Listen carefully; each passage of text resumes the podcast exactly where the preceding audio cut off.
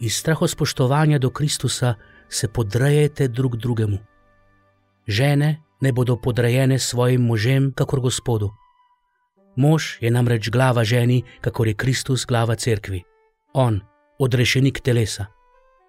In kakor je cerkev podrejena Kristusu, tako ne bodo vsem žene možem.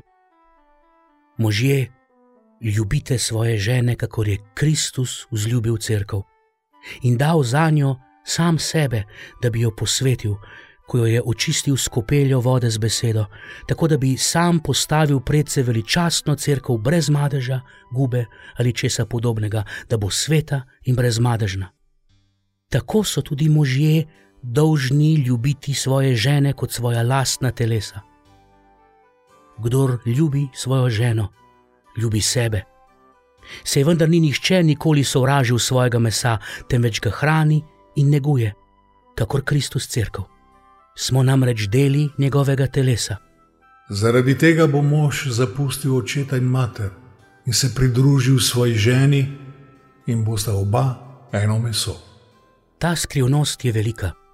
Jaz pa pravim, glede Kristusa in glede cerkve. Zato ne tudi vsak med vami tako ljubi svojo ženo, kakor sebe, žena pa naj spoštuje moža.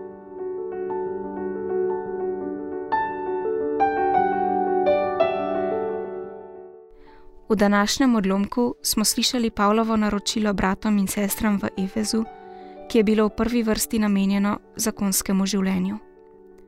Tako Pavel spodbuja može, da ljubijo svoje žene, kakor svoja telesa. Žene pa naj bodo možem zdravo podrejene, kar se kaže v tem, da jih spoštujejo. Ko Pavel govori možem o njihovi ljubezni do žena, uporabi primero Kristusove ljubezni do cerkve. Jezus je namreč daroval svoje življenje za vse, ki bodo postali del njegovega telesa, cerkve.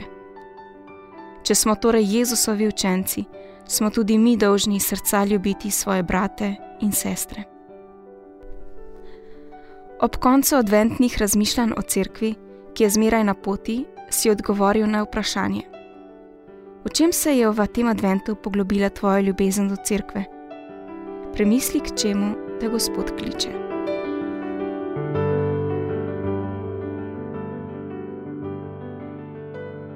Iz strahospoštovanja do Kristusa se podrejete drug drugemu. Žene ne bodo podrejene svojim možem, kakor Gospodu.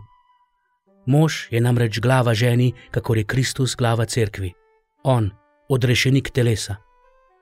In kakor je cerkev podrejena Kristusu, tako ne bodo vsem žene možem.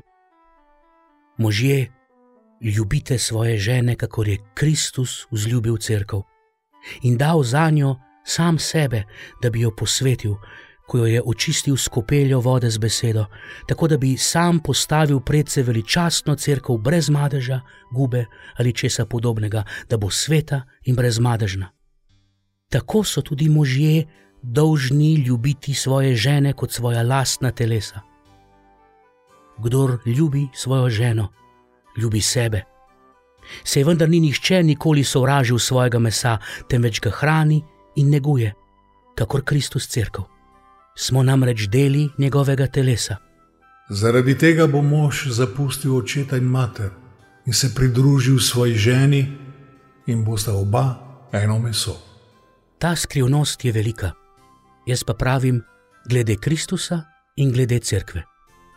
Zato ne tudi vsak med vami tako ljubi svojo ženo, kakor sebe, žena pa naj spoštuje moža.